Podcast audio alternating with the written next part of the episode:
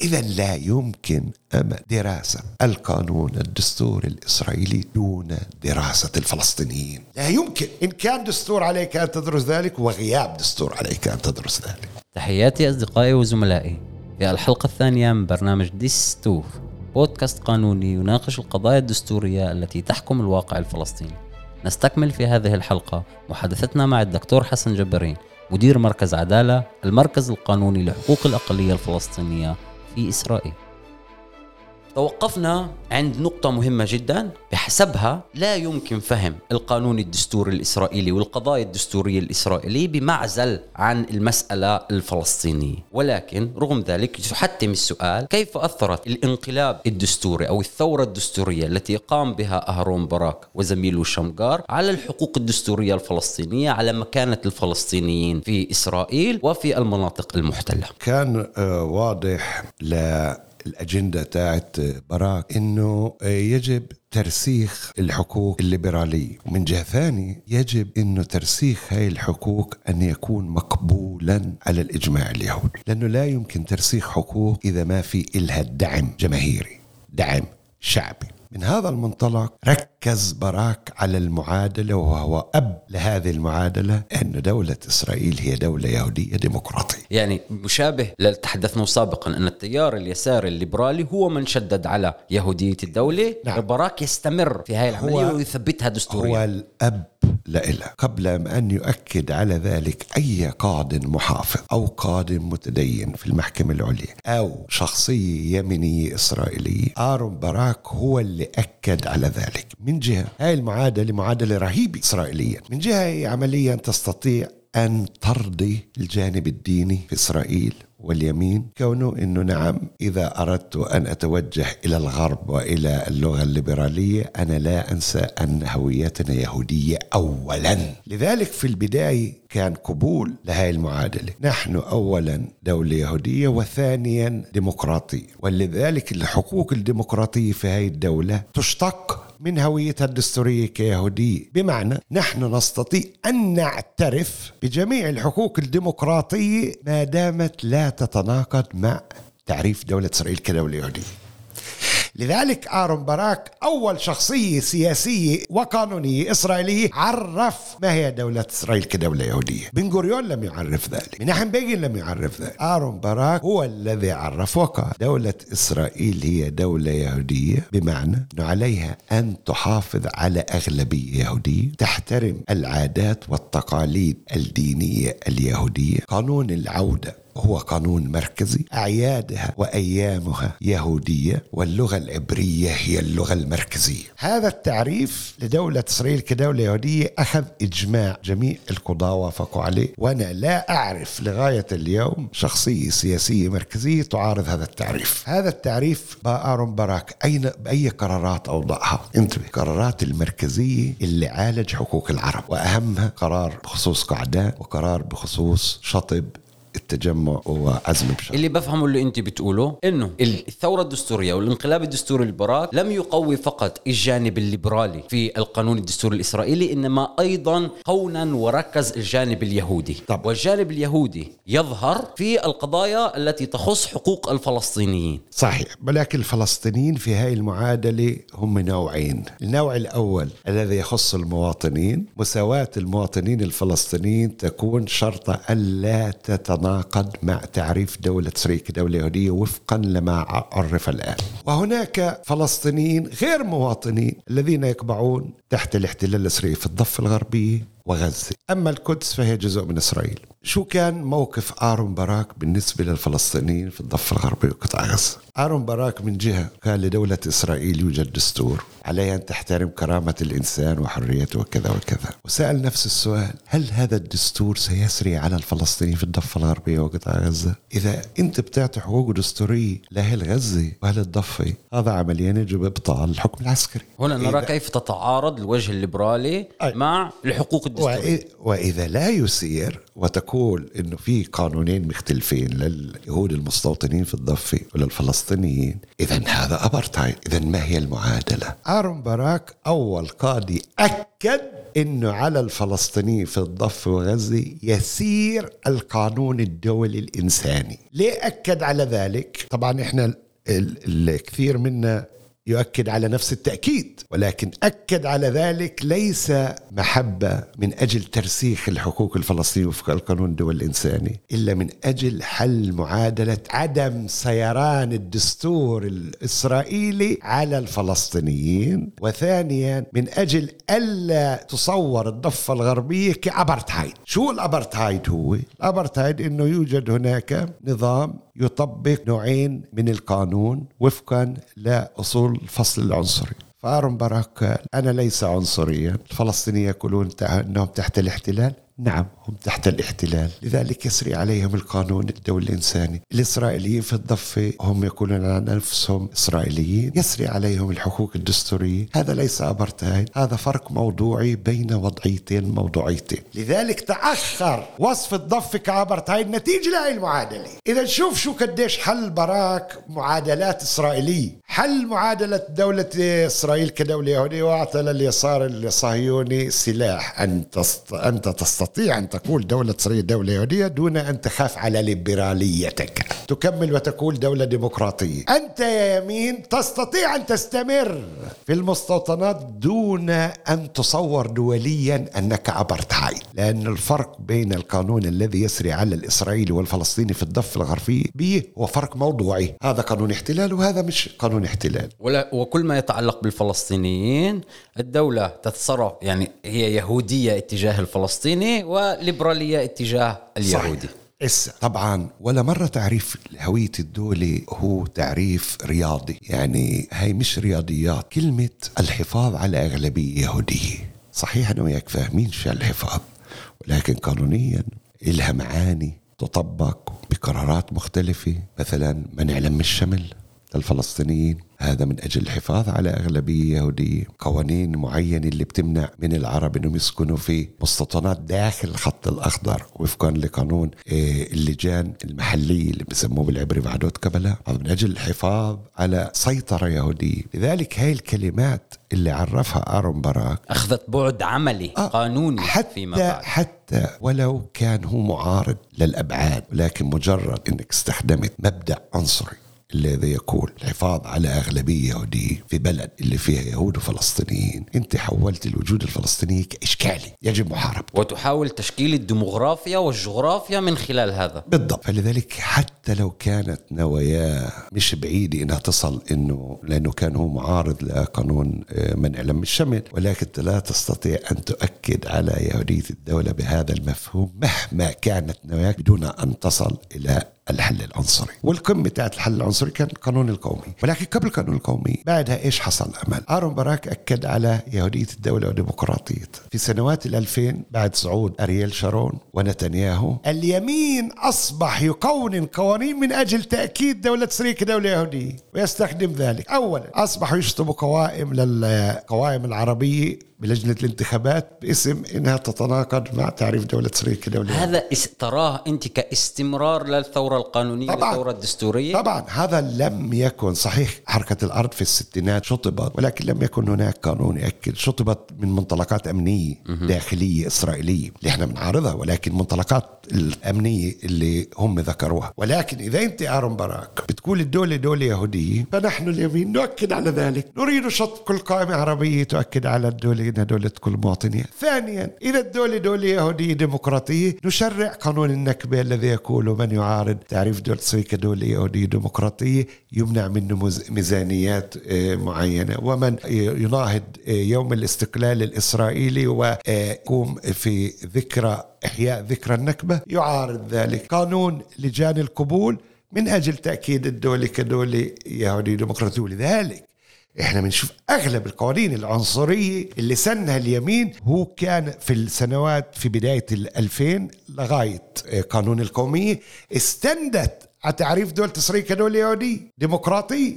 واستندت على الانقلاب الدستوري الثوري حتى قانون القومية يقول هذا يشمل جميع الأمور التي ذكرها آرون باراك بتعريف دولة كدولة يهودية ويسألون اليمين طب أين الديمقراطية؟ يقول أنا لم أمس بالديمقراطية موجودة. هذا القانون بس اتطرق للدولة كدولة يهودية يعني هاي هاي الإشكالية عند اليسار الصهيوني. هاي الإشكالية المركزية. لذلك إحنا برضو الفلسطينيين عندنا إشكالية مركزية معهم. اللي هم عمليا هم أهل لترسيخ هاي الهوية. يعني بعد ما رسخوها وأكدوها اليسار الصهيوني أصبح يبكي ليه اليمين يسن ويشرع قانون النكبة وقانون لجان القبول وكذا وكذا وكذا. ناسيا أنه هو أول من وضع هذه المعادلة. ولكن إذا بتسألهم من المفكرين القانونيين اليساريين والليبراليين وجزء منهم كبير داعمين لقضايانا إيه، حول هاي المعادلة وهاي الأزمة اللي أوقعوا نفسهم فيها. تأخذ الجواب إنه لم نتوقع ذلك.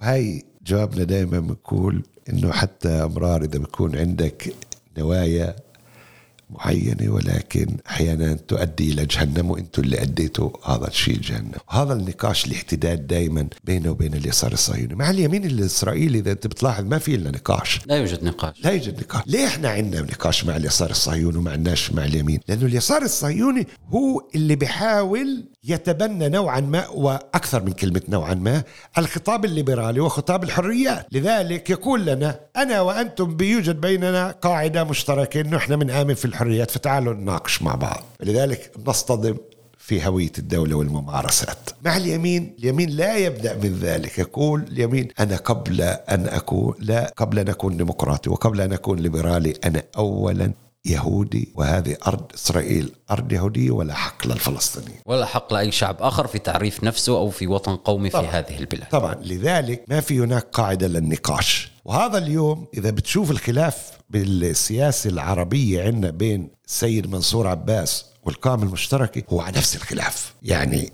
إنه آه، السياسة العربية دائما كانت مبنية على إيجاد الأشياء المشتركة فقط مع اليسار الصهيوني. مهم. على أساس الحريات وال- والمبادئ لذلك. منذ ال 49 دائما كانت التحالفات تكون في الكنيست مع اليسار الصهيوني ضد اليمين تحالفات تكتيكية واستراتيجية آه. فمنصور عباس عمليا قلب المعادلة وقال بالامكان التحالف مع اليمين فلذلك أصبح هذا النقاش نقاش جذري يعني لأنه عمليا مع اليمين اجمالا والسياسة العربية البرلمانية اللي هي تقريبا السياسة العليا الموجودة عندنا رفضت إنه يكون أشياء مشتركة مع اليمين. ولكن برضو السيد عباس بيقول بالضبط مثل أنا وياك أمل كان نقدنا إسا على آرون باراك هو نقد عباس. يقول إذا آرون باراك الليبرالي هو الذي أكد على يهودية الدولة وهو الذي أدى إلى قوانين عنصرية حتى لو لم يتوقع ذلك باسم يهودية الدولة. إذا بالنسبة لي لا فرق بين اليسار واليمين. اليمين يؤكد على ما أكد عليه اليسار. فهاي هي دائما النقاشات اللي بين يعني نقاش حول الهوية هو برضه بتطرق للسياسة العليا. ابعاد سياسية طبعا. إذا نلخص هذا المحور فهنا بنقول أه، بفهمه من حديثك. إنه الانقلاب والثورة الدستورية على الرغم على إنها أسست لا وجود دستور أولي لاسرائيل ولكن هذا الدستور لن ولم يخدم القضايا الحقوقية والدستورية الفلسطينية لأن الدولة واجهت المطالب الفلسطينيين بالحقوق الدستورية واجهتها بالهويه اليهوديه للدوله وهذا ممكن نستمر من هناك إنه باراك كان معروف في الاستفاضة بالتحليل والتأويل في القانون الإسرائيلي وفي التدخل في عمل الحكومة الإسرائيلية. هل نحن نرى هذا التدخل نفسه وهذا التأويل والتحليل في القضايا الكبرى الفلسطينية أو كان يتوقف هناك؟ إذا بدنا نتحدث عن فترة آرون باراك عمليا كان هناك هي فترة مؤسسه هي الفترة بالضبط هي الفترة المؤسسة واللي اللي أثرت. هناك من يقول أن محكمة العدل العليا الإسرائيلية هي محكمة أهرون باراك صحيح. ولغاية اليوم الوعي القانوني في كليات الحقوق يتأثر من قرارات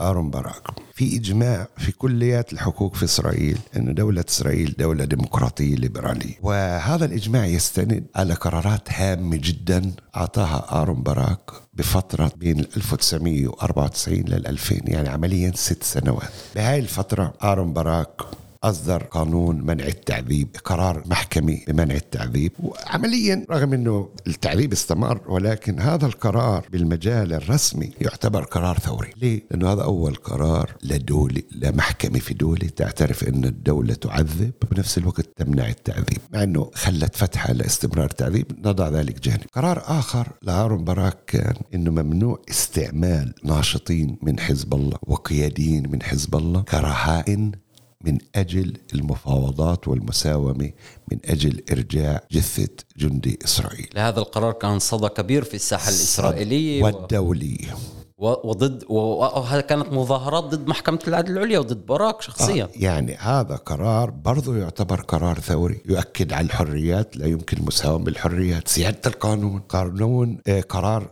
منع التعذيب. أهم قرار في حقوق الإنسان في المحكمة العليا الإسرائيلية أعطاه آرون باراك وهذا القرار. قرار آخر قرار قعدان اللي عمليا كان القرار الذي يسمح في لمواطن عربي في الدخول والسكن في قرية إيه، أو مستوطنة أو كبوتس إيه، يهودي. صح مستوطنة يهودية لغاية هذا القرار كان أنه يمنع من أي عربي أنه يسكن في مستوطنة صغيرة يهودية داخل خط الأخضر بحجة أنه هذه أقيمت لليهود بواسطة الوكالة اليهودية. اليهودية التي تعنى فقط لليهود لذلك لا مكان للعرب. العرب يسكن في المدن الكبيرة المختلطة أو المدن اليهودية الكبيرة أو القرى العربية. ولكن في هذه المستوطنات الصغيرة التي نشأت من أجل توسيع الاستيطان اليهودي لا مكان. فبهذا القرار برضو أعطى إمكانية لعائلة عربية أن تسكن. هاي القرارات رسخت في الوعي الإسرائيلي والدولي أن المحكمة العليا الإسرائيلية تحت قيادة آرون باراك هي محكمة ليبرالية وتقدمية وجريئة. أين تتوقف هذه الجرأة؟ لا لم يكن فحص للقضايا الاحتلال اللي كانت في هذه الفترة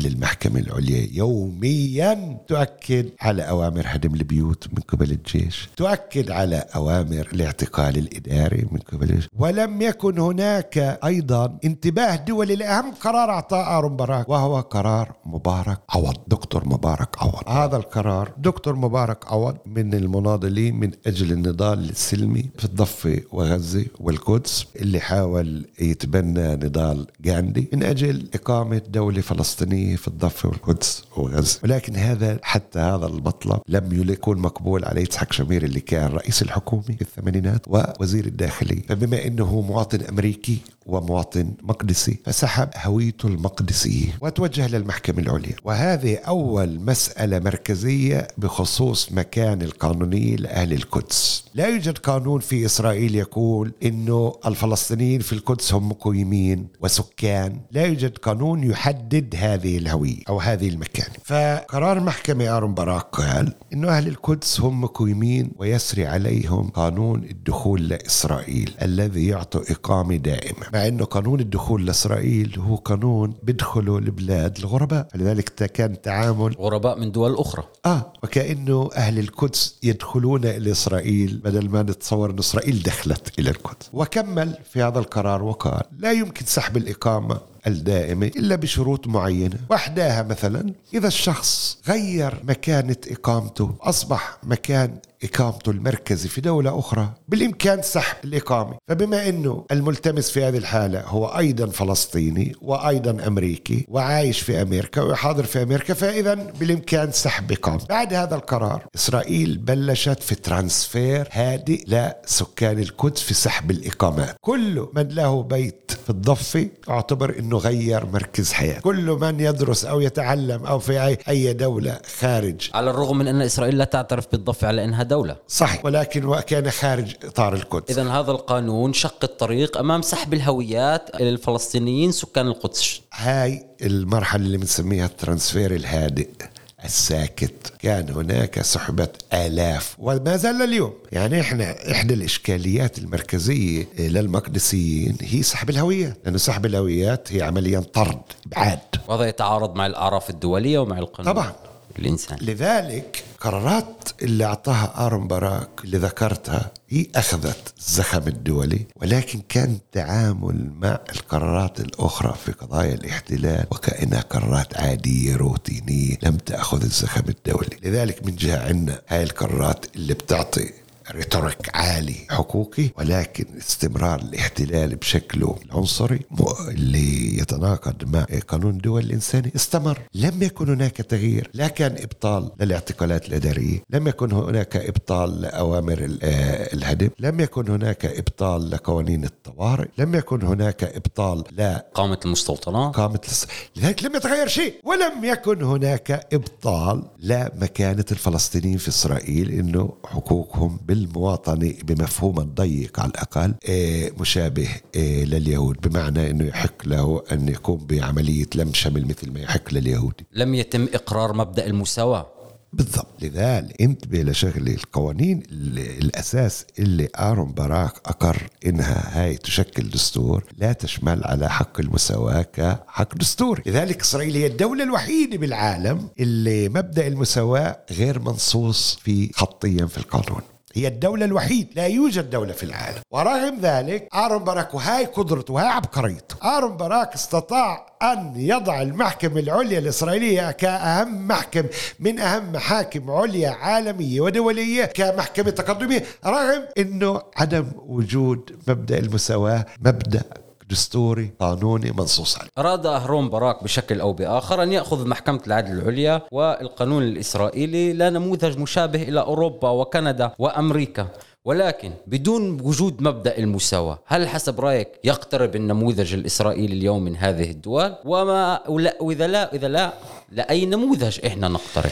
يعني إسرائيل فترة ارون باراك واليوم بالإمكان نشوف إنه في قسم من الحقوق هي تقترب من الدول الغربية وقد تنافس جزء منها وخاصة بمسألة حرية التعبير بالمفهوم الكلاسيكي حرية الصحافة وكذا وكذا هذا الأمر يسري على الفلسطيني؟ إس هون السؤال هل هذا يسري على القدس؟ إذا القدس وفقا للقانون الإسرائيلي هي جزء من إسرائيل ولنتفق على هذا المبدا من أجل نناقشه فقط. طيب نلقى إنه ممنوع هناك في القدس حتى إنه جمعية تقيم امسيه ليوم الأم إذا يكون فيها متحدث من السلطة أو متع أو في تمويل من السلطة الفلسطينية بادعاء إنه هذا يمس في سيادة القدس لذلك شعبنا في القدس أكثر قطاع في مس في حرية التعبير تاعه. إحنا شعبنا بالضفه يمارس حرية التعبير بغزة أكثر من ممارسة حرية التعبير في القدس رغم إنه القدس تحت بسطة القانون الإسرائيلي. ولكن القانون الإسرائيلي بقضية حرية الصحافة وحرية الإعلام داخل خط الأخضر الذي لا يشمل القدس إسرائيل تستطيع فعلا تقول إنه في ضمان لحرية الصحافة. مش جميع حريات السياسية حرية الصحافة حرية الكلام. يعني قليل من ما يتم مساءلة الصحفيين أو اعتقالهم آه بشكل قليل. تعسفي؟ آه قليل. قليل إجمالا. وهنا يعني إسرائيل تتشابه مع كثير دول غربية ذلك ولكن في مبدأ المساواة يعني إسرائيل تستطيع أن تقول الفلسطيني في الدولة اليهودية يستطيع أن يتمتع بحرية التعبير. يقول ما يشاء يريد أن يقول نحن دولة أبرتايد فليكن دولة كولونيالية لكن ولكن يوجد إجماع أنه سيبقى في درجة ثانية من المواطنة لأنه سوف لا يتمتع في المساواة. وانت دول وأنظمة بتخاف من حرية التعبير أمل. أنظمة بتخاف من حرية التعبير. لمجموعة مضطهدة. إنه أحيانا هاي المجموعة المضطهدة في ممارسة حرية التعبير تستطيع أن تقنع قسم من المجموعة الأغلبية أو المجموعة السائدة أو المجموعة المسيطرة بظلمها وبالتالي يكون تضامن مع الظلم تاعها ويؤدي إلى تغيير القانون. هيك كان في الأبرتايد. الأبرتايد كان عنده تخوف أنه السود يقنعون البيض باضطهادهم. لذلك منع حرية. إسرائيل ما عندها هذا التخوف. نتيجة للإجماع الصهيوني القوي. دولة إسرائيل دولة يهودية. لذلك حتى أمل حسن يظلهم يحكوا ليل نهار وبالعبري وبتل أبيب إنه إسرائيل دولة أبرتهايد سوف لا يقنعون. قوة يهودية جدية بالتغيير. لما عندك إجماع قوي من هالنوع صهيوني إسرائيل تستطيع أن تعطيك حرية التعبير لأن حرية التعبير سوف لا تؤثر. شو قيمة حرية التعبير؟ مش من أجل أن أعبر يعني أنا مش حدة. لا من أجل أن أقنع آه. الآخر. هاي ماهية اللعبة الديمقراطية. بس أنا الأقلية فإسرائيل... ممكن أن تتحول إلى أكثرية. فدولة إسرائيل مقتنعة قناعة تامة أنه في عندها إجماع صهيوني قوي. ليه في إجماع صهيوني؟ مش لأنه الصهيونية سحر. وما كان السحر مشابه للأبرتايد وهي نقطة مركزية. لأنه في كل بيت إما في جندي أو شخص تجند العسكرة دولة إسرائيل تحت التلاحم. يعني دولة إسرائيل كدولة عسكرية هي دولة تلاحم. يعني الأيديولوجية هي أيديولوجية تلاحم. هي ليس أيديولوجية عادية. يعني نحن وهم مبني ليس فقط لكوننا يهود هم عرب. كوننا إحنا يهود في معسكر عسكري واحد نعرف من هو الصديق ومن هو العدو وهم يقعون ده في خانة العدو في نهاية المطاف. إذا العربي مهما كان انتمائه هو في خانة العدو. ليه؟ لأنه هاي العقلية العسكرية هي اللي بتأسس ذلك. لذلك ما في خوف إنه العربي يمارس حرية التعبير مارس للصبح. لذلك إحنا حداي. يعني إحنا بنظر إسرائيل إحنا بدكم في الكنيسة وقف على منبر الكنيسة وقول امدح حماس. لا تعتقل في حصانة برلمانية ولكن مستحيل إنك تكون مؤثر في السياسة الإسرائيلية. الدولة العسكرية والأساس العسكري القوي اللي على أساسه يجتمع الكوليكتيف المجموع الإسرائيلي يجعل الإسرائيلي الدولة الإسرائيلية متأكدة أنه لا يمكن تغيير هذا الإجماع بالطريقة الديمقراطية وعن طريق التعبير عن الراي اذا فحرية الرأي هي مسموحة وهناك تشابه بين الحق في حرية الرأي والصحافة مع الدول الأوروبية. صحيح. أينما الاختلاف يقع في الحق في المساواة هل ممكن أن يكون دستور عادل بدون وجود حق للمساواة؟ لا طبعا. اولا يعني وجود الدساتير هو انوجد من أجل إنه يكون مساواه أمام القانون. يعني هذا الهدف الأساسي من وراء الدستور هو أن يضمن آه المساواه إذا ما في مساواه أمام القانون فبالإمكان تكون دكتاتوريه ويكون ملك حكم ملكي إيه، حكم آه، لنبلاء حكم لمجموعة معينة. ولكن من أجل ألا يكون حكم لمجموعة معينة كانت مجموعة نبلاء أو مجموعة أمراء أو مجموعة تعتبر عائلة ذات جذور ملكية. نجل ألا يكون ذلك جاءت الدساتير نجل أن تؤكد على مبدئين سيادة القانون والمساواة أمام القانون. المساواة أمام القانون معناها لا يحق لمجموعة أن تحكم مجموعة أخرى. فلذلك ما في دستور في العالم حتى فترة الأبرتايد لم يشمل على مبدأ المساواة كمبدأ دستور. دولة إسرائيل هي الدولة الوحيدة في العالم المساواة مش مبدأ منصوص عليه. سئل وزير العدل سابقا دان ماريدور اللي كان هو من واضعي قانون أساس كرامة الإنسان وحريته. في بداية التسعينات ليه القانون لم يشمل على مبدأ المساواة؟ فقال إيه، بشكل امام طلاب في إحدى الجامعات الإسرائيلية وبشكل صريح ونزيه قال أنتم بتعرفوش إنه ما فيش أغلبية في الكنيسة لتصريح اللي بقول كل بني آدم متساويين. حتى لهذا التصريح ما في أغلبية في الكنيسة. والإجماع الإسرائيلي لا يتضمن آه هذا. يعني لذلك ما في إجماع على مبدأ المساواة. حتى إذا سينص وقد يدخل يعني في نصوص معينة مبدأ المساواة ولكن راح يكون واضح إنه مربوط في تعريف دولة إسرائيل كدولة يهودية. يعني مثلا مبدأ المساواه كان منصوص عليه بفترة الأبرتايد. الدستور تاع الأبرتايد ولكن مبدأ المساواه كان منوط ومربوط في مبدأ الأبرتايد. اللي وفقا لمبدأ إنه كل مجموعة تعيش بمساواه بشكل منفصل عن مجموعة أخرى. يعني مبدأ المساواه هو كل واحد لدينه لكم دينكم ولي دين. ذلك كان مبدأ المساواة إذا مربوط في هذا التصور. وبهذا نصل أصدقائي إلى نهاية محادثتنا مع الدكتور حسن جبارين. حاولنا معا أن نستعرض مدخلا إلى فهم القانون الدستوري الإسرائيلي بأعين فلسطينية. يسعدنا أن نتلقى تعليقاتكم وملاحظاتكم عبر صفحة البرنامج وحتى الحلقة القادمة. لعله خير.